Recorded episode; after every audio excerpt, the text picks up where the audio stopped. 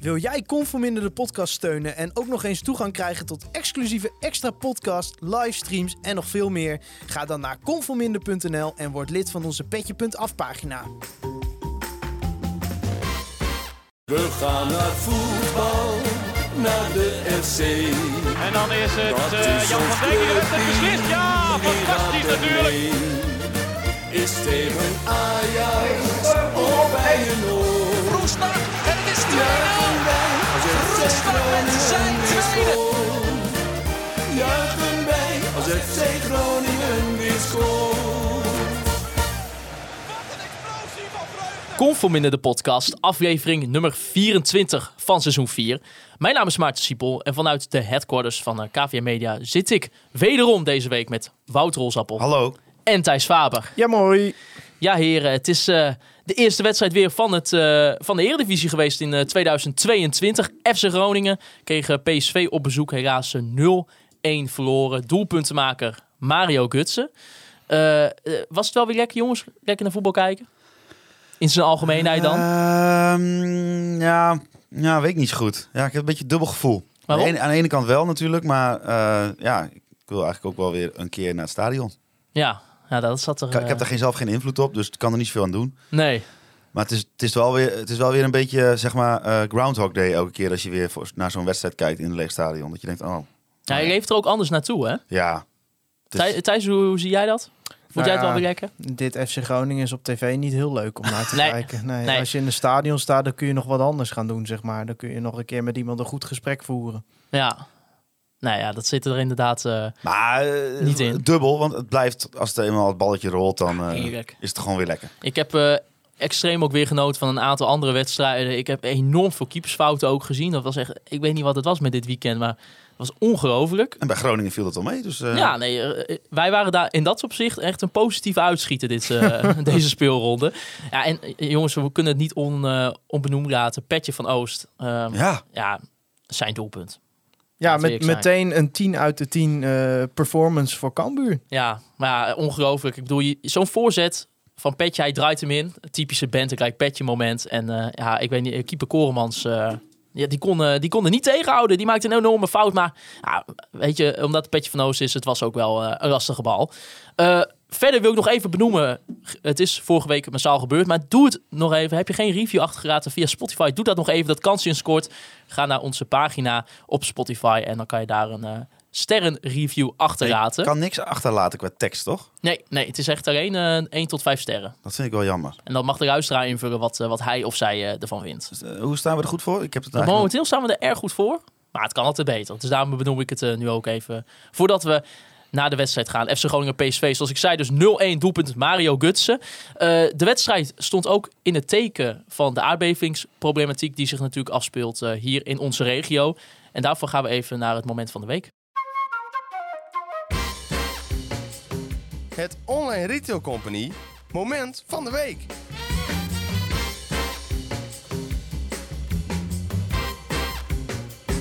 Ja, want eh, als de wedstrijd verder niet heel veel positieve punten voor ons eh, oplevert, voor onze FC, dan eh, moeten we het natuurlijk maar over de randzaken hebben.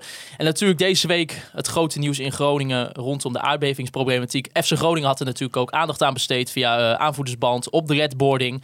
Interview met Danny Buis. precies, Danny Buis die zich via verschillende kanalen uitspreekt rondom dit thema. Nu Hols, jij bent ook bij het vakkenprotest geweest. ja, hoe, ja. Natuurlijk vanuit jouw werkzaamheden voor ogen. Hoe heb jij dat ervaren zelf?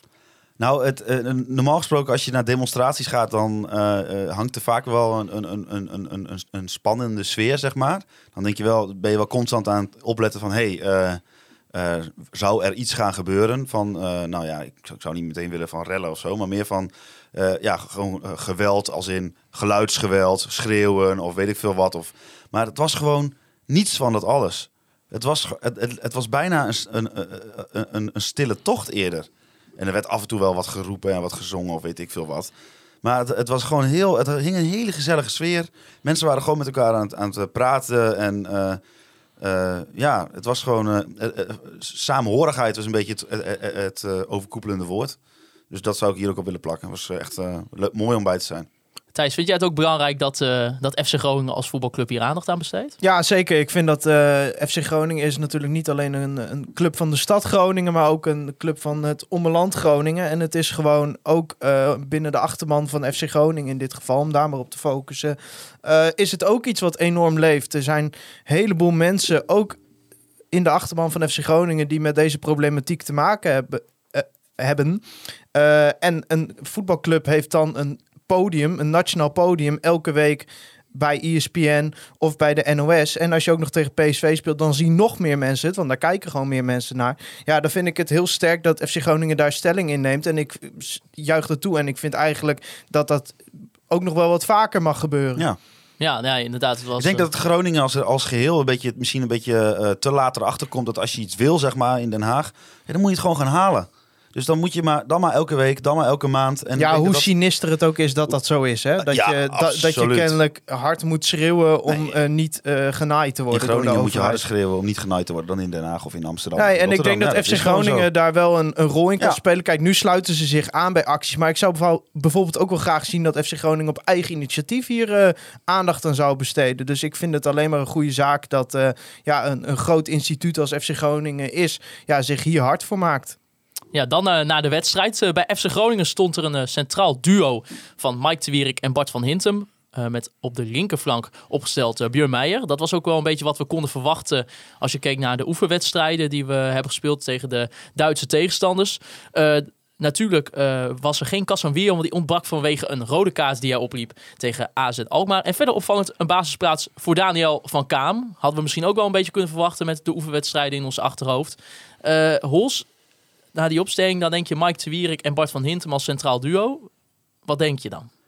Ja, ik weet, je weet dan toevallig als je eh, de club een beetje volgt dat het goede vrienden zijn van elkaar. Dus dan, eh, ik kreeg toch een beetje vrienden, vriendenteam eh, vibes van deze eh, centrale verdediging. Ja, dat vind, en stel je hem misschien een beetje positief in, want dat heeft ook zijn nadelen misschien in dit geval. Nee, maar ja, ja ik weet niet hoor. Of je kijkt al over, over de wedstrijd tegen PSV heen. Maar kijk, Te Wierik en Van Hintem samen zijn geen, is geen centraal duo waarvan je zegt... daar gaan we eens eventjes furoren in- mee maken in de play-offs. Nee. Nee, eh, wel, dat is wel verrassend dan, Thijs. Misschien, eh, het is ook wel iets wat we al dit seizoen vaker hebben besproken. Geen Wessel Dammers. Nee, geen ja, ik- Marin Swerko. Ik vind het echt totaal onbegrijpelijk dat je met dit centrum begint. Echt totaal Kijk, ik onbegrijpelijk. breng het nog, nog genuanceerd. Eh, het kan misschien zo zijn. We hebben daar geen uitsluitsel over. Want dat mag via, vanwege de AVG. Kennelijk mag je niet eens meer zeggen of een speler fit is. Zwerko, Dammers. Ja, het enige wat ik me kan verzinnen is dat ze niet wedstrijdfit waren. Niet wedstrijdfit genoeg. Want ja, Te Wierik en Van Hintem is gewoon geen centrum wat... eh, als je de ambitie hebt om mee te doen om de play-offs... en dat blijven ze uitspreken dat dat met deze selectie moet... ja, dan is dit toch het lichtende voorbeeld van dat dat er gewoon niet in zit. Als je met dit centrum moet beginnen... ja, dan speel je mee om plek 14, 15 en absoluut niet om plek 7. Nee. En bij PSV eh, ontbraken er ook natuurlijk wel een aantal eh, spelers. Dat had ook te maken vanwege corona. Een aantal spelers bij PSV, die, eh, ja, dat druppelde eigenlijk langzamerhand weer een beetje binnen op de hertgang. vanwege de vele coronagevallen die ze hadden. En ook nog spelers die eh, voor andere redenen niet, niet fit waren.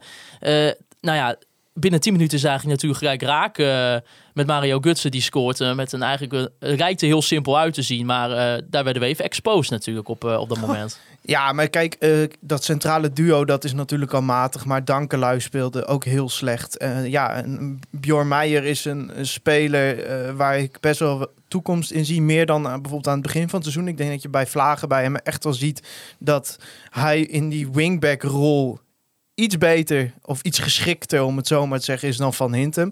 Maar ja, als je daar drie spelers naast hebt zitten die gewoon echt niet het niveau hebben eh, van subtop eredivisie, niet van middenmoot eredivisie. Ja, en je speelt tegen aanvallers als Cody Gakpo en Mario Gutsen. Ja, dan kan eh Zahavi wel afwezig zijn, dan kan eh Vinicius wel afwezig zijn, dan kan Madueke wel afwezig zijn. Maar dan krijg je het heel lastig. Ja, en dan als je gewoon naar die goal van PSV kijkt en de ruimtes die ze weggeven en de manier waarop de bal verspeeld wordt. Ja, het is allemaal van zo'n eh, ja, lachwekkend niveau, bijna. Ja, dat is vragen om problemen. En, en PSV vond ik helemaal niet goed Nee. zondag. Ook niet. Eh, maar FC Groningen was gewoon absoluut niet in staat om hier iets tegenover te zetten. En dan weet je het wel weer na de wedstrijd. Dan komt het weer onervaren spelers. eh, een groep die nog moet wennen. Niet allemaal wedstrijdfit. Terwijl ik denk, ja, Maar de afgelopen 3,5 jaar buis hebben we natuurlijk vaker het probleem gezien dat qua aanval er weinig in zit. Ja, als je dan nu ook nog verdedigend enorm veel ruimte gaat weggeven... en dan valt het in de statistieken nog wel mee hoeveel PSV daadwerkelijk heeft eh, gecreëerd... ja, dan krijg je dit soort hele grijze wedstrijden... waarin Groningen eigenlijk niet eens belabberd slecht is over 90 minuten... maar dat het aan de bal zo matig is... ja, dat je gewoon eigenlijk naar niks zit te kijken. Dat is wat, wat je eraan overhoudt. Ja. Ja. en dat is wel gewoon heel frustrerend. Kijk, los van de resultaten nog, die ook niet goed zijn. Het is zo ontzettend saai om naar dit FC Groningen te kijken. Er zit geen muziek in. Eh, sommige spelers hebben echt moeite om de bal naar iemand in hetzelfde shirtje te spelen. Ja, dan, als dat ook nog naast slechte resultaten komt, ja, dan voelt het als een soort tweetrapsraket in je gezicht elke keer als je naar FC Groningen zit te kijken. Hols, eh, ben je het een beetje eens met Thijs dat het een beetje een- ja, een grijs FC Groningen was en ook wel een grijze wedstrijd? Nou ja, eh, eh, wat ik altijd heel lastig vind bij dit soort wedstrijden is dat je altijd eh, de tegenstander even mee moet wegen, zeg maar. En dat, dat, dat is dan de koploper. En da, dat is wel een enorme verzachtende omstandigheid natuurlijk hè, voor, eh, voor dit FC Groningen. Dat, da- daar mag je van verliezen. Ook thuis. Ook met 1-0. Dat, is echt geen, dat, is, dat mag echt gebeuren. Nee, maar daarom zeg ik Maar ook los daarom- van het resultaat. Precies, da- maar daarom is het, eh, zeg maar, zelfs tegen de koploper thuis wil je af en toe, zeg maar, de intentie zien van wat er in zo'n team zit, waarvoor je, eh, hè, wat, wat het leuk maakt. En dat mis ik vooral. Je ziet niet een intentie om het op een bepaalde manier eh, leuk te maken om naar te kijken. Nou, je hebt gewoon... Maar ja, als je kijkt wat Danny Buis voor een wedstrijd vaak zegt, als er hem gevraagd wordt van, nou ja, waar liggen de kansen voor Groningen? Dan is het vaak, ja, als wij de discipline houden en weten toe te slaan, ja, dan maken we kans. Ja, dan denk ik, ja, het is op zich logisch dat je dat tegen PSV doet. Maar eh, de afgelopen 3,5 jaar heb ik nog geen enkel onder Buis echt een ploeg gezien die het dan ook die kansen pakt. Want Nou ja, op kijk- de omschakeling lag bij PSV mogelijkheden. Dat centrum was niet het centrum wat ze normaal hebben Nee, staan. maar, En eh, we, het is er niet, die omschakelmomenten. Re- refereer even terug naar de thuiswedstrijd. Want toen eh, was PSV eh, wel beter dan Groningen. Maar eigenlijk toen liet Groningen juist wel zien wat, Ja, je, tegen, maar- wat je tegen een grote team moet doen. En dan, Toen had je Goedmanson Matosiwa. nee, maar even los van wie je wel, wel of niet had. Zeg maar, wat verwacht je van een wedstrijd van FC Groningen tegen de nummer 1, 2, 3, 4? Nou, dat verwacht je. Dat je inderdaad, je bent een mindere partij, maar af en toe laat je zien met een, met een bepaalde intentie. Want dat, wa- daar was de intentie gewoon heel snel eh, eruit proberen te komen nadat je, hè, dat je de, de bal verovert op, eh, bij een aanval van PSV. Nou, dat was nu ook niet echt. Was Al gewoon- speel je tegen Manchester City, er is geen excuus om gewoon tot nul kansen te komen. Er is één spannend moment van Groningen en dat was een vrije trap. Ja, Ja, en nog eentje, nou, dat eh Strand Larsen die bal op de borst aanneemt. goed, nou die bal die valt een keer goed. De enige voorzet van Dankelui ongeveer die niet de tweede ring in nou is ja, gevlogen. arme, dus arme Strand Larsen. Ja. Die, die, die, die springt gewoon naar lucht de hele tijd. Die krijgt al die ballen hoog op zich ja, maar wat is het idee dan om een hoge voorzet te geven op een spits die helemaal niet zo goed kan koppen? Nou, ik Met denk wat dat- voor intentie Ik- worden die aanvallers het veld ingestuurd? Wat dat- is het idee erachter? Nou, je wil dus wel met wingback spelen, want daarom kies je voor Dankelui. Nou, dat is ook wel een beetje uit nood geboren, maar je had, je had eventueel nog met de Wierik op rechtsback kunnen spelen. Eh, ja, dan ga je er dus kennelijk voor dat er wel voorzetten vanaf de zijkant moeten komen. Ah, dat gebeurde af en toe ook wel eens, maar... De eh, mogelijkheden waren er wel. maar Maar, de eindpaas was eigenlijk altijd. Ja, ja, Ja. die ballen gaan dan eh, de tweede ring in. Ja, maar misschien als je dat zeg maar al 60 minuten aanziet, moet je eens een keer wat anders proberen. Nou, op een gegeven moment brengt die Postema, die gaat een beetje vanaf rechts buiten spelen. Nou, dan zie je, dat is fijn voor de verdedigers, want dan schieten ze een keer een bal niet in het luchtledige naar voren, maar is in ieder geval Romane Postema die er nog achteraan rent. Maar ja, dat blijft natuurlijk ook vrij gênant dat een Mike de Wierik met 10 seconden tijd een bal gewoon blind naar voren rost. Maar Mike de Wierik is gewoon geen schimp van wat hij in dat laatste seizoen bij Groningen was. Ja, maar zou je nog kunnen concluderen dat hij daar eh, een bepaalde rol had en dat de dingen die hij nu doet, een bal naar voren schieten, dat had je toen andere spelers voor. Ja, maar goed, daar moet je hem niet opstellen. Ik snap niet waarom Mike de Wierik wel speelt en een Dammers of een Swerko niet. Kijk, tegen woens- woensdag tegen NEC is Casemiro er weer bij. Ja, ik hoop toch dat... Wat heeft Mike de Wierik nou dit seizoen laten zien dat je zegt... nou ja, die zet je als eerste op papier. Ik snap er echt helemaal niets van. Van Hintem kan ik nog enigszins inkomen. Je wilt toch een linksbenige centrale verdediger hebben. Maar Mike de Wierik is dit seizoen gewoon niet goed genoeg. Hij laat geen lichtpuntjes zien die een stijgende lijn zouden aangeven. Elke keer wordt hij weer verrast door een betere aanvaller. Ja, dan moet je toch een keer je conclusie trekken. Ja, ik weet ook niet eh, wat de, dan de reden was dat En Sverko... ik, wil eh, niet zeggen Dammers dat niet, het eh, puur zijn schuld is. Nee. Maar ik, ik begrijp gewoon bepaalde keuzes niet. En het, het hoeft geen hetze tegen Te Wierik te worden. Maar ik denk dat je gewoon zo reëel moet zijn. Dat met de centrum van Te Wierik en van Hintem achterin... heb je al zo weinig zekerheid dat het daarvoor ook niet goed gaat. Nee, maar hij zal zelf ook wel naar zijn eigen prestaties eh, kijken en denken van, hmm, dat kan nog Ja, wel- maar hij kan- speelt wel elke week Ja, weer. nee, eh, en zo'n Dammers, dat moet toch ook frustrerend zijn? Want die heeft wel een paar goede wedstrijden gespeeld. Nou, daar zat zeker een stijgende in, Ja. in het begin van het seizoen dat hij wel eh, Ah, veel ik, kon ik, be- spelen. ik begrijp er niets van. Weet je, wij werken misschien niet elke dag met die spelers. En, en daardoor zouden wij er wel minder zicht op hebben. Maar Ik denk dat uh, Te Wierik op de training Strand Larsen gewoon eh, elke keer eh, de bal afpakt.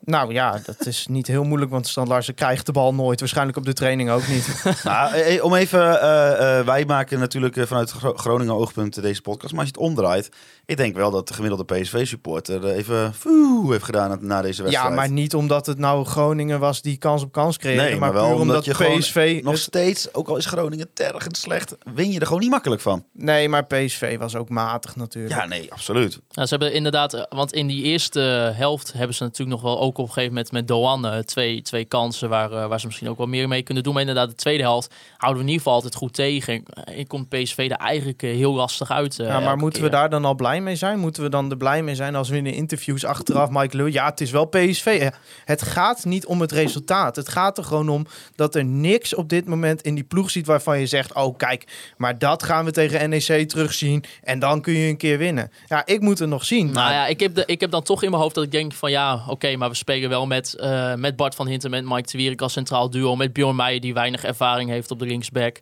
Ja, dus Ja. eh, ik zeg niet dat er geen verzachtende omstandigheden Nee, zijn. en een, een heel groot deel van de huidige problematiek ligt aan het selectie, of het- de selectieopbouw die door eh Mark-Jan Vladeris is gekozen. Maar dat neemt niet weg dat er voor mijn gevoel meer in moet kunnen zitten. Niet extreem veel meer. Zeker, je hoeft echt niet aan play-offs te denken in mijn optiek. Maar je moet toch op zijn minst een keer een kans kunnen creëren. Want laten we nou niet doen alsof dit een incident is. Kijk, ik wil niet conclusies trekken op basis van een wedstrijd tegen de koploper. Maar dit PSV was gewoon te verslaan geweest, zeg maar. Ja, nou ja, kijk bijvoorbeeld. Het was niet een PSV dat je zegt, nou je bent weggeblazen of zo. Want ja. dat, dat deden ze het doen overkomen. Van ja, ze waren gewoon te goed. Ja, denk ja, was NEC in de eerste seizoen zelf waar je met 3-0 verliezen dan ook te goed? Nee, het- je moet gewoon van eigen kracht uitgaan. Ja, en dat eh, ontbreekt eraan. Ja, maar kijk, misschien Eigen is. kracht. Eh, eigen kracht en eigen kracht om daarvan uit te gaan. Maar kijk, hè, bijvoorbeeld Vitesse is dan misschien dit weekend ook niet echt een goede testcase in dat opzicht in, eh, in de uitwedstrijd. Maar het is, wat eigenlijk vooral deze week belangrijk is, is de NEC. En dat is niet alleen omdat het gewoon een bekertoernooi is wat, waarin het gewoon knock-out fase nu is. Nou, dat is het enige randje glans wat je op dit eh, zeer stoffige grijze seizoen nog kunt halen. ja, Ja, En plus dat je... eh, Kijk, als we dan weer hetzelfde, letterlijk hetzelfde op de mat leggen als tegen PSV, ja, kijk, dan wordt het natuurlijk wel een beetje een ander verhaal. Ja, nee, ik, ik, ik zie weinig aanknopingspunten. Ik zie gewoon dezelfde patronen misgaan als in de eerste seizoen zelf. Er is geen versterking bijgekomen op Bogarde na. Waarvan gezegd wordt, ja, die heeft even nodig om, om erin te komen. Wat volkomen logisch is. Ik vond hem best wel goed invallen. Eh, je zag wel dat hij iets bracht. Maar ja, moet je nou eh, het lot in handen leggen van de 19-jarige eh, speler die 100 minuten op het hoogste niveau heeft gespeeld? Nou ik ja, vraag het me af of dat verstandig is. Over die jeugdigheid. Eh, Christian had een vraag. Die zegt: Buis had het gisteren weer over de jeugdigheid van zijn selectie. Maar als je gisteren naar de elf namen keek die begonnen tegen PSV, vond ik dat best meevallen als je bekijkt dat de gemiddelde leeftijd van de basis 25 was. Dus moet Buis eens gaan stoppen met zich te gaan verschuilen achter de leeftijd van sommige spelers die hij in zijn selectie heeft zitten. En meer kijken naar zijn eigen kwaliteit als trainer. Dat hij deze groep ondermaats laat presteren. Nou ja, wie, wie zijn de matigste spelers in deze groep? Dat, nou, de Twierik is slecht in vorm. Oud en ervaren. Ja, oud, wat is oud? Eh, ouder Relatief dan oud voor gemiddeld. Ten opzichte van Casemiro Ja. is Twierik eh Bijna, oud. bijna zijn vader. Dankelui heeft ook gewoon al genoeg ervaring op het hoogste niveau. Strand Larsen heeft inmiddels ook al tientallen wedstrijden gespeeld. Nou, die vind ik niet matig, maar die krijgt gewoon geen aanvoer. Ja, ligt het daadwerkelijk aan eh, de jonge selectie? Of is het gewoon het feit dat er geen balans is? Dus dat je een aantal jonge, maar daardoor grillige spelers hebt... en een aantal wat oudere, maar hele matige spelers hebt. Ja. Misschien is het meer de balans dan daadwerkelijk alles op de jeugd afschuiven. Of op de jeugdigheid. Nou, gewoon kwaliteit. En het staat natuurlijk voorop dat dit van Danny Buis een, een, een vorm is om eh, ja, zichzelf niet vrij te pleiten, maar om in ieder geval te verklaren waarom hij denkt dat bepaalde dingen niet goed gaan. Maar dan nog qua attractiviteit sta je denk ik als een van de slechtste teams te boek. Dan heb ik het niet over resultaten. Nou, die zijn ook niet best. Maar in ieder geval echt van hoe is het voetballend. Ja, en dat is wel iets waar de technische staf voor verantwoordelijk is. Ja, over dat kansen creëren vroeg Arjan Tarens. Denken jullie dat Buizen op de korte termijn nog het wel gaat lukken om de ploeg überhaupt kansen te laten creëren? En is het verstandig om ook eens naar onderen te kijken? Nu het bijvoorbeeld Sparta en Fortuna wel lukt om tot kansen te komen. Hols, wat denk jij? Is wel een beetje heel negatief. Oeh, ja, ik vind het heel lastig eh, om te zeggen. Want eigenlijk heb ik het idee dat ik al, wat is het nu, 19 of 18 wedstrijden eh, naar een onveranderlijk FC Groningen aan het kijken ben. Ik heb niet het idee dat er een bepaalde eh, lijn is ingezet. Waaruit blijkt dat het anders zal zijn binnen nu en eh 5 à 10 wedstrijden. Je weet het niet, misschien dat nog twee eh, spelers erbij eh, eh, de boel ineens helemaal eh, er anders uit doen laten zien. Ik bedoel, Buis heeft het al een keer eerder laten zien in, een, in zijn allereerste se- seizoen. Hè, dat het ineens op een of andere rare, miraculeuze wijze na de winterstop ging lopen en dat de punten binnenkwamen. Maar eh, aanvallend voetbal gaan we denk ik niet meer zien het komende half jaar. En naar onderen kijken, daar geloof ik ook niet in. Nee. dat- Ik, denk denk dat, eh, Groningen genoeg individuele kwaliteiten heeft om eh, genoeg wedstrijden te winnen. Om prima rond die 13e, 11e, 12e, misschien zelfs 10e plek te, te komen. Ik denk dat Ja, eh, de ploegen die helemaal onderaan staan, heb ik over PEC, Willem II, eh, ja, Fortuna hoort daarbij, Sparta hoort daarbij, dat die wel nog een- wat slechter zijn over het algemeen Ja. dan wij en, en ook wat minder in staat zijn om punten te pakken. Nee, ik eigenlijk vind ik zelfs, dat je moet daar helemaal niet over praten tot je er staat. Want het is eigenlijk een beetje... Nou ja, je moet je wel afvragen van, nou ja, eh, gaan we weer. Het is geen doelstelling om zevende te worden, maar er wordt vanuit de club gezegd van, nou Ja, ja, het is de ambitie en het moet kunnen. Ja, dus, maar ja, nou ja, goed, dat is ook natuurlijk voor Vladeris weer een manier om zijn eigen daden goed te praten. Maar eh, ja, ik, ik denk dat je wel eerder naar beneden moet kijken dan naar boven om het cliché er tegenaan te gooien. En ja, je moet gewoon hopen dat je niet te ver onder Heerenveen eindigt, want dan valt het op de tv-geldlijst nog allemaal mee. En dan eh, gaan we naar volgend seizoen kijken. Ik denk dat je dat sowieso het best kan doen. Zo. Eh, over die opbouw. eh, Robin Happix, die had wel een, eh, een interessante, grappige vraag. Het is wel trouwens een hele lange vraag. Daar had hij zich ook voor Ja, dat eh, geëxcuseerd. maakt niet uit. Maar dat, dat nemen we voor lief. Hij zegt, in 2019 is de regel vervallen dat je vanuit een doeltrap de bal niet mag aannemen in het strafschopgebied. Dit was bedoeld om het spel te versnellen aangezien de tegenstander wel buiten de 16 moet staan. Groningen maakt hier sinds de regel is vervallen gebruik van. Dit zorgt ervoor dat hij, eh, bij de opbouw twee man op de hoek van de 5 meter gebied staan. Een goede opbouw heeft dit nog niet opgeleverd en je hebt je spelers alleen maar dichter bij je eigen goal staan, wat funest is als je de bal verliest. Moet FC Groningen hier per direct mee stoppen? Als de spelers weer buiten de 16 staan, sta je automatisch wat hoger op het veld en zijn de ruimtes onderling ook kleiner, waardoor je makkelijker zou moeten kunnen combineren. Sorry voor de lange vraag. Wat? Als de ruimtes kleiner worden, kun je makkelijker combineren? Ja, dat zegt hij. Ja, wacht. Nou, eh, ja. ja. Dat lijkt me niet. Nou ja, ja, eh, nee, maar hij bedoelt met de misschien... technische ja, vaardigheden van de Kijk, spelers dat- van ja, precies, dat is de vraag. af, eh, Nou. Ik denk niet dat dit het verschil gaat zijn tussen 1-0 verliezen of 1-0 winnen. Nee, Nee. maar wat wel zo is, is natuurlijk dat eh, eh, dat laat wel heel erg de intentie zien eh, dat, ze de- dat dat dus de bedoeling is. Ja, het is hè? wel een vast patroon, het hè? is een vast patroon. Het is de intentie om op die manier eh, op te bouwen. En eh, het lukt nooit. Nou, op zich is met natuurlijk met een as van Duarte en eh Van Kaam eh, geen gekke gedachte, want dat zijn twee voetballende spelers. Ik vind ook zeker dat Duarte de afgelopen tijd eh, goede dingen laat zien. En Van Kaam is ook een speler die echt wel wat met een bal kan. Maar ja, als die vervolgens de bal weer terugspelen naar Mike de Wierik en die schiet hem of over de zijlijn of blind naar voren of paas Dankelui in de voeten, die meteen een linksback of een linksbuiten tegenover hem heeft staan en hem vervolgens alsnog over de zijlijn schiet, ja, dan schiet je er weinig mee op. Dus het, ja, het moet wel gepaard zijn met eh, wat risico durven nemen. Ja. En dat is echt wel een aantal keer gebeurd. Hè? Dat, dat die bal er wel een keer tussen de linies doorschiet. Maar ja, het gebeurt veel te weinig. Maar het heeft natuurlijk ook alles met eh, eh, kwaliteit te maken, wat we, ja, wat we in het verleden hebben gezien. Want we hebben wel situaties teruggekeken dat je echt wel zag dat wat er bedoeld was, dat dat erin zat. Alleen dan maakt een speler die durft of niet in te passen, of hij ziet het gewoon niet dat hij dat moet doen. En dat heeft wel allemaal met kwaliteit te maken. Dus ja, maar waarom, heb je dan de waarom kwaliteit lukt om... dat een Herakles dan wel vaker? Ja, dat is, eh, dat weet ik veel. Ik vind Herakles wat dat betreft wel een grappige vergelijking. Want die hebben net zoveel punten als wij. Maar als je naar Herakles kijkt, daar zit zoveel meer voetbal in dan in onze ploeg. Terwijl ik denk dat zij individueel helemaal niet betere spelers hebben. Nee, dat denk ik ook niet. Ja, maar eh, wedstrijden van Heracles zijn in dat opzicht altijd wel wat aantrekkelijker. Ja, maar eh, hoe, kan dat nou? ja. Ja, Ja, ik vind, als ik het zou weten, zou ik hier niet zitten. Maar eh, dat, ja, nou, maar, nou ja, misschien maar is het gras ook altijd groener aan de overkant. En Ja, zullen is- Herakliden zeggen, nou, bij ons is het ook vreselijk slecht. Maar Het is wel zeg maar eh, dat als je naar deze, elke ke- week naar deze podcast toeleeft, dat je inderdaad bij jezelf te raden gaat van goh, ik loop hier al zoveel jaar over te lullen, maar het, het is elke keer zitten we te zeiken dat het aanvallend gewoon er niet uitziet. Maar ja, ja wat, ik weet zelf, ik weet ook niet hoe je dat anders moet doen. ja, weet je wat het is? Ik ben ook een beetje bang dat ik mezelf zo de hele tijd aan het herhalen ben. ja. Ja, Maar, dat doe je sowieso. Dit chagrijn gaat natuurlijk nog een half jaar duren. ja. ja bereid je, maar eh, mooi dat je even tot die realisatie komt. Want er komen geen versterkingen. Tenminste, ik denk geen directe versterkingen. Daar zie ik weinig aanleiding voor. Of er moet ineens wel een hele grote verrassing Bu- komen. buitenkansje, buitenkansje. Buitenkansje, nou ja, waarschijnlijk komt er nog een of andere 20-jarige Scandinavië bij of zoiets in die richting. Nou ja, Buis eh, zei zelf dat hij op de korte termijn eh, niets verwacht. Maar dat Nee. was ook, eh, zijn korte termijn was ook wel deze week. Oh, Nee, tenminste, zoals dan- uit het interview kwam. Je, je kunt nooit zeggen, eh, Nee. maar wat er ook gehaald wordt, eh, ja, ik denk niet dat er zomaar een speler ergens vandaan wordt getoverd die er meteen staat. Eh, nu we ook weer een, hè, eigenlijk een beetje met vier man achterop speelden, eh, Semi dan, eh, over de rechtsbackpositie. Harold Jonker die vroeg, wie zien jullie eh, liever op rechtsback? Mo, Damiel of Mike? Alle drie niet. Nee? Ja, in een vijf verdediger systeem vind ik El Ankouri prima. Ja.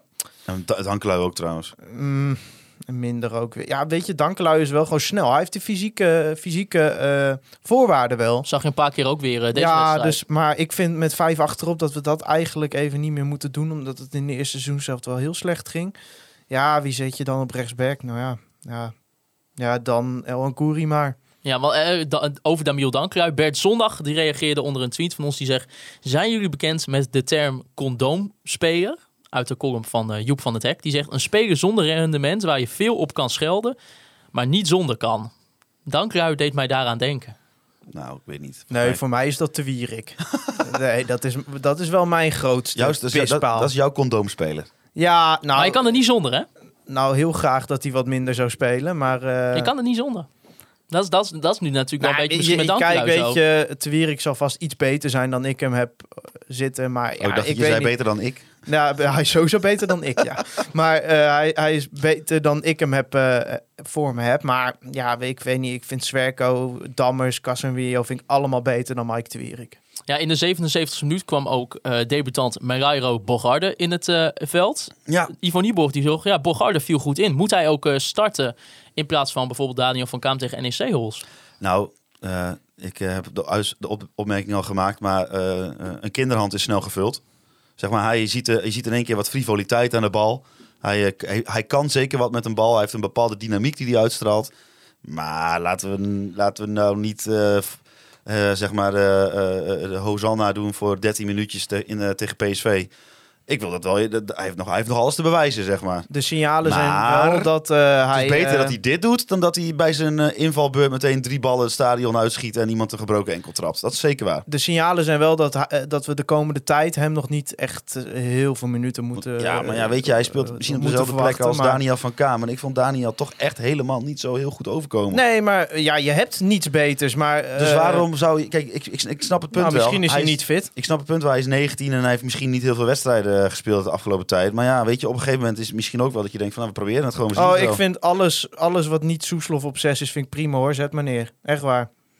ja, want ik gun ook gewoon Duarte iemand naast hem, waardoor Duarte ook iets minder hoeft te verdedigen. Want, ja, ik denk dus van, van doe dat middenveld, hou nu vertrouwen in Duarte. Ja. Hè? Zet Casemiro, Swerko, twee jongens waar toekomst in zit. Zet die centraal. Ga het maar als een tussenjaar beschouwen. En ga aan vastigheden bouwen. Ja, over Ja, want die- eh, Ja, nee, Ja, nee, ga- ga je zeg, door. die drie zul je volgend jaar nog steeds hebben. Ja, daarom. Maar ja, eh, gewoon stoppen met Bart van Hintem en Mike de Wierik. En begin gewoon te bouwen aan het elftal van volgend seizoen. Want ja, eh, volgens mij heeft... eh, Ze zullen het niet letterlijk gedaan hebben, maar volgens mij heeft Flederis ook al lang de handdoek in de ring gegooid. Anders had hij ook al wel directe versterkingen gehaald. nou, je weet niet, Thijs, de, de maand duurt nog eh, lang. Ja, ik laat me graag verrassen. Ja, Maar ja, Bogarde, nou ja, daar zullen we misschien nu over gaan hebben. Nou ja, eh, Bogarde inderdaad. Hij is eh, overgekomen van, eh, van Hoffenheim. Hij heeft van zijn achtste tot zijn zestiende bij Feyenoord gespeeld. En is toen, ja, vooral als verdediger, en is toen de overstap gaan maken naar Hoffenheim. Als we kijken naar dit seizoen heeft hij 17 wedstrijden gespeeld voor Hoffenheim 2. Wat uitkomt op het vierde niveau in Duitsland. In het eerste elftal heeft hij nog wel in augustus de DFB-pokaalwedstrijd gespeeld tegen Victoria Köln. Maar eigenlijk bleek het al gauw dat eh, vanwege de concurrentie op het middenveld... Dat, eh, dat er geen plek voor hem zou zijn in het eerste elftal. Hij was ook slechts tweemaal opgenomen in de eerste selectie. Dat was ook het begin van het jaar. En eh, ja, speelde dus eigenlijk alles in het, in het eh, tweede elftal. Ja, Frederis zegt vervolgens... we proberen onze selectie kwalitatief en kwantitatief beter te maken. Dat is heel erg lastig op dit moment. We hebben geprobeerd om hem voor 18 maanden te huren. Daar zijn we helaas niet uitgekomen. In het voorjaar gaan we evalueren of het eventueel mogelijk is... om hem te huren voor een langere periode. Gezien de bezetting denken we echter dat we hem nu wel moeten toevoegen. En dus kiezen we voor de korte termijn optie.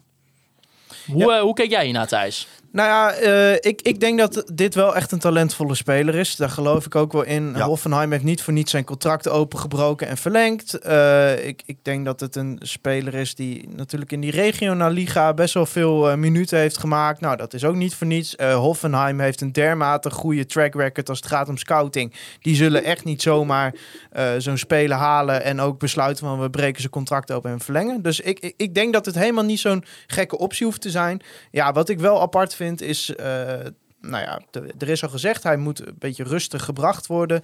Nou, prima. Eh, dat je eh, drie dagen voordat je hem haalt, zeg je in een interview, ja, wat we, Flederen zegt dat, wat we moeten halen is directe versterking voor de lange termijn. En drie dagen later haal je een 19-jarige speler met 100 speelminuten eh, op het hoogste niveau voor een half jaar. Kijk, dat je de selectie kwantitatief wil uitbreiden, dat is prima, weet je. Als je nu een extra optie op 6 hebt, dat is prima, maar hij is nu de enige optie op 6. Maar om even eh, de andere kant zeg maar, van het verhaal. Hij zegt dat en dat meent hij denk ik ook. Ik denk ook echt dat hij dat wil, zo'n zo'n speler halen. Maar als je nu de kans krijgt om deze jongen te huren... en je bent ervan overtuigd dat hij dit half jaar... maar ook zeker als je hem langer zou huren... een enorme bijdrage gaat leveren eh, eh, aan het spel van FC Groningen... dan ga je het toch niet laten omdat je Nee, een andere uitspraak hebt gedaan in bijvoorbeeld, interview. kijk, Zeefuik was ook 19 toen hij gehuurd werd van Ajax. En daar zeiden we ook een beetje hetzelfde van, nou ja, gaat dat ons beter maken? Nou, die kwam erin eh, toen, toen nog onder eh, Ernest Faber zelfs volgens mij. Ja, uit mijn hoofd. Ja, Eh, Is hij halverwege dat seizoen ja gekomen? halverwege dat seizoen. Toen wij de podcast eh, begonnen had hij al een half jaar... eh, Ja, ja, hij zat al bij Groningen toen wij met de podcast begonnen. In 2018 eh, was Ja. dat. Hij is in de winter van, van 2018 gehaald. Ehm, maar ja, toen dachten we ook van, nou ja, 19-jarige rechtsback, ja, schieten we daar wat mee op. En dat pakt ook heel goed uit. Dus ik, ik wil dit ook zeker niet brengen als van, nou ja, het zal wel weer een 19-jarige speler voor een half jaar. Nou ja, laat maar zitten. Maar het strookt natuurlijk niet met wat je op de andere dag zegt. Nou, kijk, Nee, daar nee, bij. Mark en Vladeris al niet meer van op. Dat, dat Nee, maar het is... binnen drie dagen totaal ontkracht wordt. Maar als dit de enige zes zou zijn die we halen, dan zou ik wel teleurgesteld zijn. Nee, maar dat is wel zo. Maar wat ik meer be- probeer te zeggen is dat dat natuurlijk, zeg maar, het is qua timing en beeldvorming is niet handig. Maar als, als, als jij echt gelooft dat deze jongen je selectie voor de komende anderhalf jaar beter kan maken, dan ga je dit niet laten omdat de beeldvorming even niet goed uitkomt. Ja, maar goed, ja, eh, ik vond niet dat hij duidelijk genoeg was of zo in het statement op de clubsite van, van wat precies zijn rol wordt. Kijk, als zijn rol wordt een, een backup voor een zes of, of iemand die misschien eh, ja, met eh, een eventuele nieuwe zes kan gaan con- concurreren om die positie, ja, dan is dat natuurlijk helemaal niet gek. En ik denk dat het op basis van die 10 minuten die ik er nu van heb gezien, dat er best wel wat in zit. Nou ja, weet je, je kan in ieder geval zeggen, hij heeft wel gewoon dit seizoen in ieder geval in de tweede gespeeld van Hoffenheim. Dus hij heeft in ieder geval wel echt wedstrijdminuten nog ergens gemaakt. En natuurlijk op het vierde niveau. Dus ja, wat zegt dat eh, verder qua, qua kwaliteit? Ja, maar in ieder geval tegen volwassen tegenstanders. Ja, hè? Dat is eh, wel wat anders dan in een onder 19 Ik, competitie. ik kan me zo voorstellen dat het wel vergelijkbaar is met onze keukenkampioen divisie. Ja, wie weet. ja, dat ja. hoorde ik Wim Masker ook zeggen bij RTV Noord. Ah, dat nou. eh, dat niveau vergeleken is met de Nederlandse En keukenkampioen. plus, weet je, als het uh, stel voor het bevalt uh, voor een half jaar dat hij zich hier lekker voelt en uh, hij maakt hier een, in ieder geval een goede indruk. Ja, dan kan je natuurlijk misschien uh, zomaar hebben dat je, dat je hem gewoon nog voor nog een seizoen Ja. kunt huren. Want uh, Hoffenheim, ik denk niet dat Hoffenheim uh, echt per se, denk ik, wil dat hij hier, of dat hij per se terugkomt voor het eerste elftal. Want die staan nu vierde. Nou, dat, Ja, nee, dat is een aardig niveau. Voor Hoffenheim is dit, dit zijn dit soort jongens heel simpel. Als hij toevallig eh, eh, eh, ineens eh, doorbreekt en hij laat een ongelooflijk niveau zien, hebben ze een goede speler. En als hij dat niet doet, maar blijkt ook wel aardig te zijn, er zit gewoon heel veel waarde in zo'n gast. Dat zie je direct. Hij heeft bij Jong Oranje heeft hij, eh, veel gespeeld. Of de, nou, ja, drie wedstrijden zie ik. Eh, hij komt uit een eh, gerenommeerde jeugdopleiding. Alhoewel eh, is die jeugdopleiding ook niet meer wat het geweest is. Dus er zit gewoon heel veel waarde in zo'n jongen. Die ga je nooit als Groningen kunnen overnemen van Hoffenheim, denk ik. Nee, precies. Nou ja, we gaan het, Dus eh, dan- we gaan het afwachten. Dus huren en dan hopen dat hij, eh, dat hij goede dingen laat Ja, zien. ik vind het prima. Echt waar. Zeg maar individueel gezien vind ik het een prima versterking om er nu bij te hebben. Eh, maar in het bredere plaatje denk ik wel van ja, eh, dit zijn niet de spelers die er nu voor gaan zorgen dat jij in die tweede seizoenshelft de ambitie van play-offs nog gaan waarmaken. En misschien is het wat eh, vervelend van mij dat ik dat iedere keer weer aanhaal. Maar het is blijkbaar wel de ambitie die ze voor zich zien. En dan vind ik het heel logisch dat we aankopen daar ook aan toetsen. Want ja, ik heb het eerder gezegd, het koffiezetapparaat bij FC Groningen, daar zit nog een doelstelling op geplakt. Als die niet gehaald wordt, dan wordt het koffiezetapparaat weggeflikkerd. Ja, dan lijkt me dat, dat je dat ook bij aankopen kunt doen. Maar dan heb je, neem je toevallig wel een, een aspect bij FC Groningen wat wel heel goed voor elkaar is. Eh, ze hebben de koffie over de afgelopen anderhalf jaar verbeterd, inderdaad. Erg lekkere koffie. Koffie, niks op aan te merken. Hey, dan eh, over het eh, interview van Danny Buis van VI. Reon Boeringa die had een artikel waarin Danny Buis wat meer zijn kant van het verhaal liet horen over zijn vertrek na dit seizoen. Eh, even een aantal quotes. Nou, hij zegt, je voelt dingen aankomen, want je werkt al langer met elkaar. Dan weet je welke kant het op gaat. Net zoals een speler vaak wel kan zien of hij op de korte termijn in aanmerking komt voor een basisplek of er verder vanaf ziet. Eh, hij zegt dus eigenlijk wel dat hij het dan wel een tijdje voelde aankomen dat eh Mark-Jan Verderes niet met hem door wilde gaan. Eh, over dat verschilletje, of de verschillen tussen Mark-Jan Verderes en, eh, en Danny Buis. Nou, daar konden we natuurlijk uit de podcast eh, eigenlijk vrij weinig uit opmaken. Hij zegt zelf, ja, het zit in de kleine dingetjes. Ik werk liever met de kleine groep. Anderen hebben liever een bredere selectie. Dan vul ik maar even in dat, dat Verderes een bredere selectie wil. Dat zijn dan dingen waar je over spart. En als je op een gegeven moment geen stap verder komt, dan is het hun goed recht om een andere trainer te zoeken. Ja, wat vond je eigenlijk van de, van de statements van Danny Buis thuis? Ja. Ja, Er hij, werd wel hij- iets meer gezegd vanuit, eh, vanuit zijn ja, kant in ieder geval. iets meer verklaard. Maar hij blijft natuurlijk best wel diplomatiek eh, nog. En dat is prima. Ik denk dat dat voor iedereen beter is als eh, in ieder geval naar buiten toe een beetje een Voor de- gevoel van stabiliteit eh, is. Voor de kinderen, hè?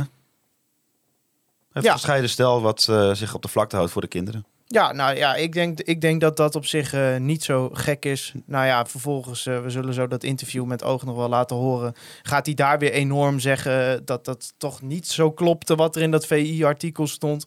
Ja, het zegt, eh, het, het, dat zegt mij meer dan het artikel zelf. Ik, ik vond, ja, er staat niet heel veel nieuwe informatie in. Behalve dat hij wel zegt van, nou ja, dat Danny Buis had het gevoel dat de keuze al wat langer vaststond. Dus dat ze niet zoals Vladeris ook bij ons heeft aangegeven van, nou ja, we zijn eh, gaan evalueren en toen hebben we besloten om niet door te gaan, maar dat dat al iets is wat langer speelde. Eh, en hij zegt dat bij hem wel het gevoel heerst dat het puur door de band Vladeris Buis komt. En Mark-Jan Vladeris die zegt van het is een combinatie van factoren. Nou ja, hè, eh, wat ook nog wel opvallend was, is dat hij eh, eigenlijk had over het moment waarin het werd vermeld naar hem. Hij zegt mij niet op. eh, wacht even hoor, ik moet het even goed lezen. Eh, want hij had bijvoorbeeld dat hij op de zondagochtend na Herakles is gebeld. Op zijn eerste vakantiedag. nou, of hij even vlak voor een vrije dag op kerst naar Groningen wil komen. De, op voor kerst op een vrije dag. Dan denk ik, ja. Oh, sorry hoor. Ik moet echt. eh, Ik heb- Zou ik het voorlezen? Nee, maar ik heb eh, mijn, mijn muis ging even gek. Ik moet hem even weer opzoeken. Oh ja, nou eigenlijk zegt hij van, hè, even opnieuw. Hij werd gebeld zondagochtend na Heracles. Of hij even vlak voor de kerst op zijn vrije dag naar Groningen wilde komen. Dan denk ik, het lijkt mij sterk dat jullie het nu ineens besloten hebben. Dit had ook in het stadium ervoor bekendgemaakt kunnen worden. Het was al wat langer bekend, lijkt mij. Communiceren dan wat eerder, want we hebben allemaal maar één belang. Iets moois presteren met deze club. Hols, vind jij dat ook? Kan je Ja. daarin vinden? Of zeg je van, nou, misschien aan de andere kant, Mark-Jan Verdeers kan het natuurlijk ook gewoon wel voor de kerst is ook wel een goed moment. Nou ja, wat, wat dit mij vertelt, en ook de podcast met eh Vladeris, en ook wat ik bijvoorbeeld met, eh met eh RTV Noord, wat, hè, die zie ook in die podcast, is Mark-Jan Vladeris inkomen bellen, is dat hij niet helemaal eh, onder controle heeft dat als hij iets zegt of iets doet of iets beslist, dat dat dan heel, heel veel eh, effect heeft, niet alleen op de beslissing zelf, maar ook op van allerlei andere dingen. Dus hij heeft, hij, heeft, hij heeft niet helemaal houvast op gewoon op een tactische, goede manier dingen eh, besluiten en dat dan ook naar buiten brengen. Nou, En dat is- zie je hier eigenlijk ook weer in terug. Want eigenlijk zegt Danny Buis gewoon van ja, maar mij nou uit of je me na een klote resultaat of na een 5-0 overwinning zegt. Als ik, als ik eh, eh, eh, eruit moet, zeg het maar gewoon. Dat is Nou, prima. Dit is wel iets wat je veel hoort over. Eh, zeg maar over hoe mensen over de werkstijl van Flederis van ja, in principe heeft hij gewoon het recht om die beslissingen te nemen en soms zijn dat moeilijke beslissingen en daar hoef je het niet altijd mee eens te zijn, maar het is bij Mark Jan vaak de manier waarop en dat is iets wat een heleboel mensen intern wel is gaan irriteren over de jaren. Ik vraag me ook af of het bewust is. Ik denk dat het een klein beetje naïef of zo is. Dat Nou, gewoon ik denkt denk- van ja, ik beslis het toch gewoon, dus we maken het Ja, ik, ik denk dat, eh, dat het iets is wat hij eh, nou nog wel te leren heeft. Ja, want om dit soort gaat om- dingen tactvoller aan te pakken. Want Als het gaat om het, de kritiek op, op, zijn besluit, eh, op, de, op de argumentatie die hij geeft op eh, het niet verder gaan met Danny Buis, dan denk ik van ja, maar eh, jij gaat er niet over of andere mensen daar dan kritische vragen over stellen. Dus hij moet daar iets meer, eh, hij moet daar iets meer misschien aan de voorkant al een Nou, beetje kijk, verfijning in de vinden. manier waarop eh, bijvoorbeeld het vertrek van Danny Buis ook door hem is gecommuniceerd, dat is ook weer eh, dat je als buitenstaander, want dat zijn wij, denkt van je kan dit op zo'n makkelijke manier voor jezelf zoveel makkelijker maken. Ja. als hij niet Danny Buis op de zondagochtend naar Heracles...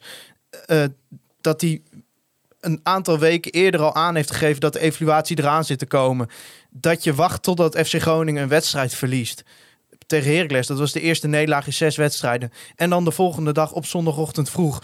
ja, Danny Buis uit zijn bed belt van... eh, ja, eh, ja, we moeten nu spreken. Ja, weet je, dat zijn van die dingen dat ik denk... waarom maak je het jezelf zo ontzettend moeilijk? Het hoeft Nou ja, je moet wel natuurlijk even nadenken. Kijk, er is wel een verschil natuurlijk van wat Danny Buis al langer voelt. En het moment dat Mark-Jan Verderes daadwerkelijk heeft besloten. Ja, maar... En intern al gecommuniceerd van... oké, we gaan, we willen as soon as possible uitbrengen... dat we eh, niet doorgaan met Danny Buis. Akkoord, maar er is nog een tussenweg tussen dat en op zondagochtend om half negen, eh, om het zomaar te zeggen, eh, Danny Buis uit zijn bed te bellen. Ja, en het is ook zo, we hebben het er nu weer over. Maar ik, ik, ik zou ook niet willen zeggen dat het nou een grote kernramp is. Maar het, is, het, het ontbreekt wel wat aan vingerspitsengevoel voor timing en handigheid om zoiets zeg maar gewoon ontspannen de wereld in te nou, laten. maar je merkt het meer. Hè? Bijvoorbeeld eh, met eh Matusiwa, die kon naar RC Lens. Nou, dat werd een conflict. Eh Aydin Roestic naar Frankfurt, dat is ook helemaal geëscaleerd. Ja, maar aan de andere kant... toen, kan, maar aan andere- hem niet... Ja, het is zijn werk om dat, ja, maar, om dat ja, niet te je doen. kan Maar dat... ik bedoel, Matsushima Als was dat zo... zo vaak voorkomt, in die twee jaar met Zeefuik heeft hij ook eh, ruzie gehad. Omdat hij, eh, ja, Zeefuik wilde eigenlijk niet naar Hertha, maar naar Engeland. Als dat allemaal op een gegeven moment gaat optellen, ja, dat, dat zegt wel wat over zijn werkwijze. En het is prima om iemand in die positie te hebben die altijd het belang van de club voorop zet. Maar je kunt je wel afvragen van, ja, ga je jezelf niet op een gegeven moment, en dat hebben we ook aan hem voorgelegd, jezelf zo impopulair maken dat het eh, ook het belang van de club gaat schaden. Ja, maar ik, ik vind daar wel belangrijk in dat het misschien inderdaad dan wel als een opstapeling moet worden gezien. Want als ik het heb over inderdaad, als je het hebt over Matusiwa of, of Zeefuik, dan, dan wil ik eigenlijk Mark Jan nog wel tot een bepaalde hoogte, waarvan we natuurlijk ook niet alle details weten hoe die gesprekken waren en wat misschien was beloofd en wat niet was beloofd. prima. En het is van ook ja, lastig. Hè, dat maakt het voor ons ook heel makkelijk. Want wij kunnen eigenlijk alleen maar lullen over dingen waar we niet bij waren. Ja. Maar ja, goed. eh, eh, hij, hij besluit om technisch directeur te worden van een, een voetbalclub... waar duizenden mensen in geïnteresseerd zijn en alles van willen weten... en waar wij eh, het leuk van vinden om gewoon slap over te houden. Ja, ja, dan moet je, als je, zeg maar, als je dat niet leuk vindt, dan moet je bij, bij Philips gaan werken. En ik denk dat het ook wel te begrijpen is. Weet je, de voetballerij is gewoon een keiharde wereld. En daar zullen dit soort dingen plaatsvinden. Maar ja, ja je, je moet daar in schipperen. Je moet daar een middenweg in vinden. Ik denk dat dat ook het, Ja. het werk is van... Want je bent niet alleen iemand die spelers koopt, verkoopt. Hè? Je bent een directeur. Dus je bent ook eh, ja, toch verantwoordelijk voor hoe het op de werkvloer gaat. Hij tenminste op het sportieve aspect is hij ook verantwoordelijk voor op, hoe het op de werkvloer gaat. Dus ja, het is wel belangrijk dat je leert van dit soort situaties.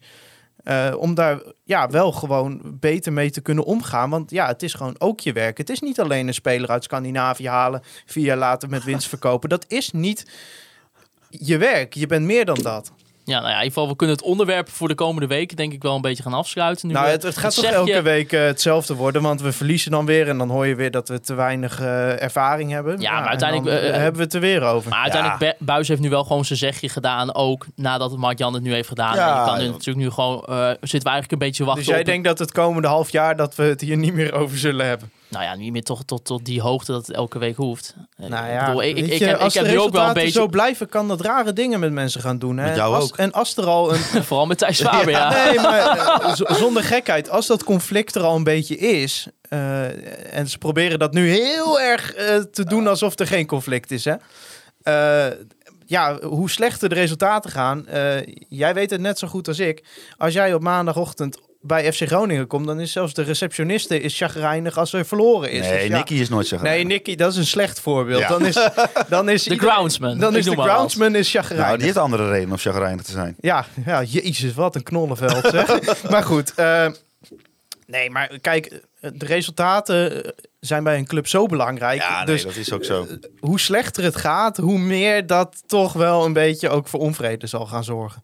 Ja. En dat, eh, maar je, ja, en dat is een beetje het lastige. Want normaal gesproken heb je zoiets van... als er weer een paar wedstrijdjes gewonnen worden... dan zitten wij hier weer Hosanna, Hosanna in de hoge. Maar ik ja, nooit ik- hoor. Thijs nooit. Maar dat, Ik dat, eh, ik heb niet vaak gehad dat ik dat zo weinig voor zag als nu, zeg maar. Ik heb toch wel Als ik nu Disney Plus was, dan had ik morgen nog een camera erheen gestuurd en dan was er een documentaire van gemaakt. Nou ja, ik denk dat... eh, we Van het laatste pas, eh, half jaar. Ik vind eigenlijk echt Het is wel een eh, mooie situatie. Als we... Ja, Een soort slechte sitcom nee, is dat het. on- als je overal bij zou mogen zijn, inderdaad, Ja. zou het misschien wel feest zijn. Twee, maar... twee mannen die niet met elkaar door een deur kunnen worden verantwoordelijk voor de sportieve ambities van een voetbalclub voor een, een half jaar. Nee, maar dat, hij, zegt, hij zegt in interviews dat... Ja, laten we, laten we er even naar luisteren. Ba- Daniel Tegen bij, eh, bij OogTV. Ik, ik kan prima samenwerken met Mark. Daar ligt het niet aan. Alleen, Maar niet met jou. ik denk hij ook wel met mij, maar voldoende, laten we het zo zeggen. Ja, en dan lopen we contract af en dan is het zijn goed recht om deze keus te maken. En daar is nu al heel veel over gezegd. Eh, Ook van de week in de VI. Dat ge- gewapende vrede. eh, gewapende vrede is net alsof je met elkaar aan het vechten bent. En dat er mensen tussen moeten komen. Dat is gewoon klinkklaar onzin. Stond ook in de VI dat ik eh, me aan het lijntje gehouden voel. Dat is klinkklaar onzin. Ik heb dat helemaal niet gezegd. Ik heb nog nooit gezegd. Dat is ook niet mijn gevoel. Dus mensen moeten er ook niet allemaal dingen van gaan maken. Het feit is, er zijn twee hele verschillende personen. Dat is een feit. Nou, dat is ook helemaal niet erg. En daarnaast werken we gewoon voldoende samen. Alleen je hoopt dat zo'n samenwerking zich ontwikkelt naar een hoger niveau. Dat is niet gebeurd. Nou, dan is het heel simpel. Dan is het op korte termijn voldoende. En voor de langere termijn is het dan beter dat een van de twee gaat. En in dit geval ben ik dat. Nou, dat is ook prima. Nou, kijk, wat je er ook van vindt. eh, zeg maar, eh, voor ons is het natuurlijk leuk om dingen te weten en eh, hoe het echt zit. Maar wat je, wat je ze wel allebei kan meegeven, is dat ze, ze geven elkaar geen trap na. Nee, maar dat, is ook, dat zou ook slecht zijn om dat nu te doen. Ja, nee, maar dat, vooropgesteld. Danny eh, staat, zeg maar, Danny ook beschermt, wil- eh, beschermt de club nu wel. ja, met nee, deze- dit, met dit, deze- dit is handelen in het belang van de club. En wat Mark Jan doet, is dat als hij iets meer nog zou communiceren, is dat in essentie ook. Weet je, Ja. Eh, wij hebben ook als buitenstaanders geen recht om alle details over hun relatie te kennen. Nee, maar ja, eh, we zijn volgers, dus we willen dat wel graag. Ja, we willen het wel graag, maar ze, ze hoeven dat, ze hoeven dat niet Daar het verschil in. Ze hoeven dat niet letterlijk te vertellen. Dus ik vind dit allemaal prima. Hij moet niet ontkennen wat er in de VI staat, want dat heeft hij zelf gezegd. Dus ja, dan ben, ja, nou ja, goed, dat is Mark Jan inmiddels ook niet vreemd Ah, om dat en af we kennen te doen. natuurlijk, hè, als, ik weet niet of het was, het, was het met Reon, dat interview? Ja, dat is ook een kijk, ontzettende sensatiezoekende Ja, en dat niet alleen. Reon is, heeft natuurlijk weer een goed literair boek gelezen. En die heeft dan weer een mooi synoniem gevonden wat hij wil gebruiken. Dat Ah joh, Reon moet lekker over dat Cambuur gaan schrijven.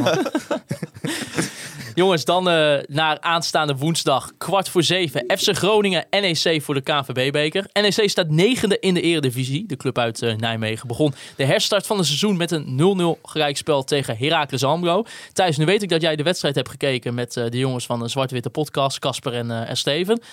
Kan je nog een beetje wat zeggen? Hoe was die wedstrijd? In ieder geval als ik het zo zag in de samenvatting en wat ik hier een beetje over las, was het echt vooral heel saai. Ja, het was een afschuwelijke wedstrijd. Ja. Ja, het was echt, echt. NEC was ontzettend matig en Heracles kon daar weinig tegen eh, overzetten. Eh, nou ja, natuurlijk het, het meest opvallende moment gebeurde ook buiten de lijnen eh, tijdens die wedstrijd natuurlijk met de invalbeurt van Rai Vloed. Ja. Maar goed, dat laat ik aan de jongens van de Zwart-Wit podcast over, Zwart-Witte podcast over om daar eh, om dat te bespreken. Daar hebben wij het nu niet over. Maar ja, NEC. ik heb wel het gevoel dat zij momenteel een beetje in zo'n fase zitten. Weet je, het begint allemaal leuk. Hè? Ze halen veel punten. De honeymoon fase. Eh, en dat het nu een beetje... Kijk, het is niet ontzettend slecht of ontzettend matig. En ze zullen echt wel in de eredivisie blijven. Maar het is niet meer eh, het frivole wat het aan het begin van het seizoen zou, Nou, was. Maar je ziet nog steeds, ze geven dan weinig kansen weg. Ja, ze hadden ook een beetje een eh, een minder periode voor de winterstop. Toen verloren ze drie wedstrijden achter elkaar. Vervolgens nog wel, eh, werd er wel in de wedstrijden voordat het daadwerkelijk de winterstop was, eh, werd er wel weer drie keer gewonnen. Dat was tegen Cambuur in de beker met, met 1-2. En in de competitie werd er dan gewonnen tegen Go Ahead Eagles en Willem 2. Eh, maar ja, inderdaad, eigenlijk weer de wedstrijd tegen, tegen Heracles viel dan wel heel erg tegen. Maar ze ook even er nog mee eh, bij, bij nemen dat Jonathan Okita niet gaat spelen. Waarschijnlijk die heeft nog wel nodig. Eh, ze, ze missen natuurlijk Soufiane eh, El Karouani, die met Marokko mee is op de Afrika Cup. Ja, er liggen wel mogelijkheden. Dat, is, ja, dat zijn wel twee belangrijke spelers. Ja, nee, zeker. En eh, dit is wel heel treurig, dit, hè? Voor FC Groningen. Nee, hoor, dat is eh, gewoon, eh, dit is voor FC Groningen een, een wedstrijd. eh, dat is gewoon een must-win. En eh, het kan prima. Kijk, ik vind meer als je zeg maar, wat ik ook al eerder zei, als je eh, hetzelfde beeld gaat krijgen wat we ook tegen PSV zagen, kijk, dan vind ik dat we dan echt daadwerkelijk mogen oordelen van, oké, dit is gewoon echt, echt niet oké. En ik snap wel, dat hebben we misschien ook al in de 18 wedstrijden voor de winterstop gezien, maar toch, hè, we beginnen nu toch weer een beetje half opnieuw, eh, als we dat dan zo mogen zien in Je 2022. hebt in Kijk, 20 eredivisiewedstrijden heb je vier keer gewonnen. ja, nee, dat is Waarvan één keer met een bizarre omhaal tegen Cambuur. één keer 19 ontzettend, ontzettend geflatteerd tegen eh, AZ. En twee, keer, 20, sorry, en twee keer heb je een slecht Go Ahead Eagles en een slecht Fortuna getroffen. Nou ja, dat zijn je eh, overwinningen.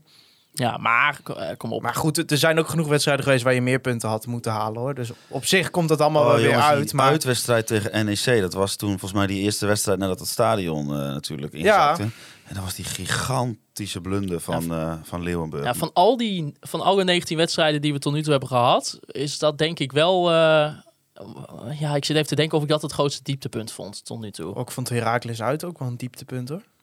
Ja, Maar eh, NEC, eh, die eh, ja, wedstrijd in Nijmegen, dat was wel eh, ja, Moet je- erg matig. Maar wat dan wel weer positief is, dan staat eh Leeuwenburg staat er nu toch wel weer heel anders op.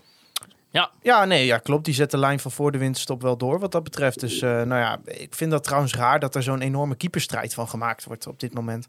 Ja maar dat is ook Dat iets waar Danny we, Buis eh, zelf aan heeft nee, bijgedragen. absoluut. Dus, ik eh, wil hem ook daar eh, niet van ontzien, want dat is gewoon niet handig, vind ik. Nee, ja, nou, maar kijk, dat is je hebt al een team zonder vastigheden, ga je ook nog een keeperstrijd beginnen. Nou ja, maar kijk, dat is natuurlijk een be- dat, Kijk, dat is ook weer zoiets. Wij hebben natuurlijk niet in de afgelopen maanden eh, elke dag bij het trainingsveld gestaan. Ik weet ook niet wat voor indruk Jan Hoekstra heeft van gemaakt, maar blijkbaar wel.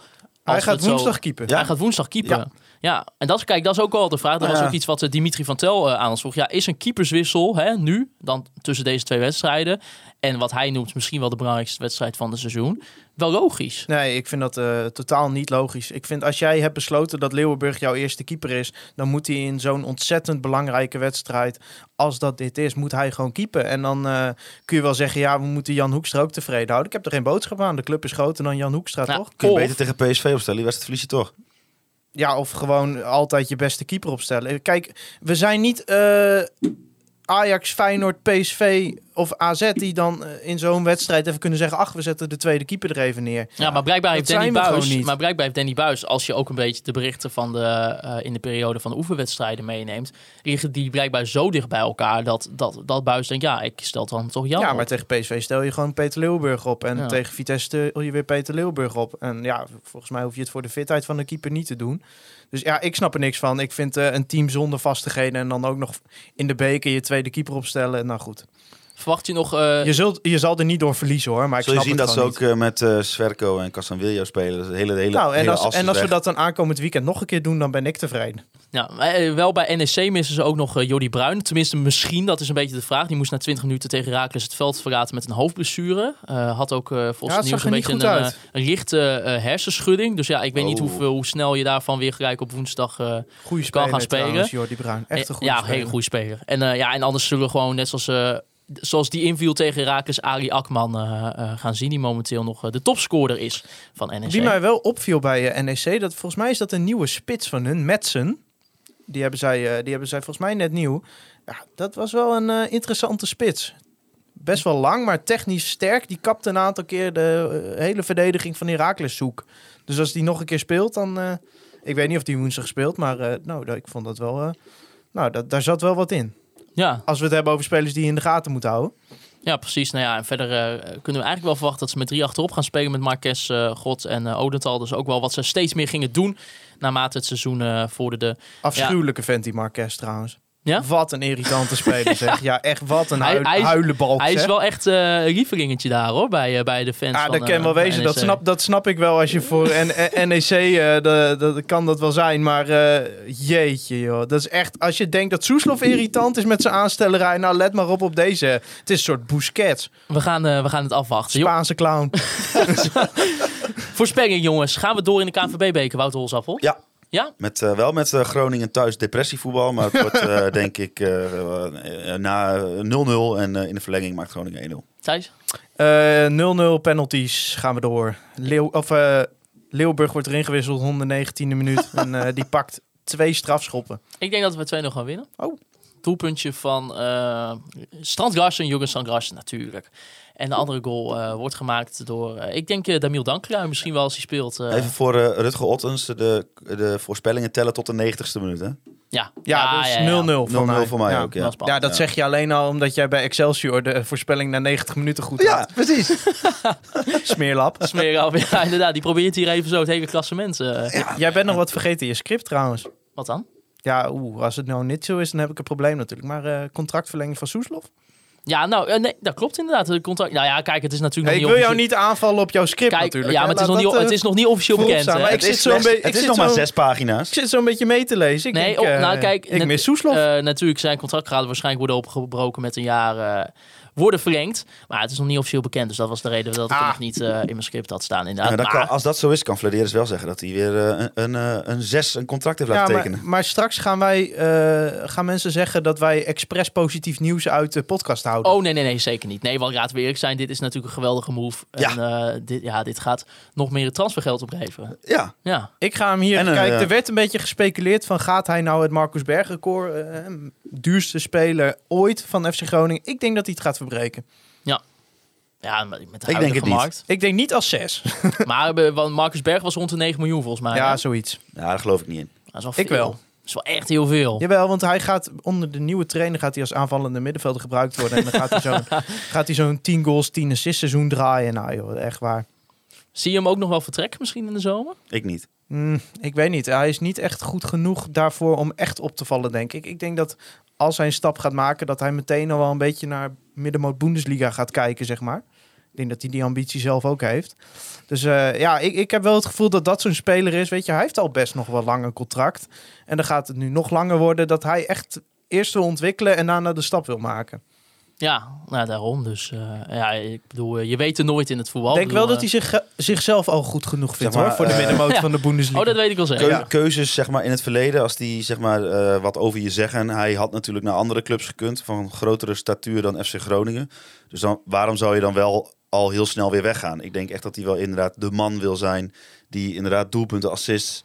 eh, een, een, een- in, in de competitie ook zijn naam heeft gemaakt voordat hij de volgende Ja, stap hij wil zet. natuurlijk volgend jaar nog even een jaartje aanvoerder zijn. Ook dat. Ah, dat gaan we ook zien. eh. Nou ja, hij is het nu praktisch al. ja, ja, in ieder geval, dat, eh, dat wel, zo komt het wel altijd een beetje over op het veld. Absoluut. Dus eh, nee, ik, eh, top. Niks op aan te merken. Ja, en dan zon, zaterdag Vitesse uit. Vitesse weer ook goed begonnen aan de herstart van de Eredivisie met een eh, 0-1 overwinning eh, bij Feyenoord door een doelpunt van Ruiz Openda. Momenteel op de vierde plaats in de Eredivisie met eh, drie punten eh, achter Feyenoord.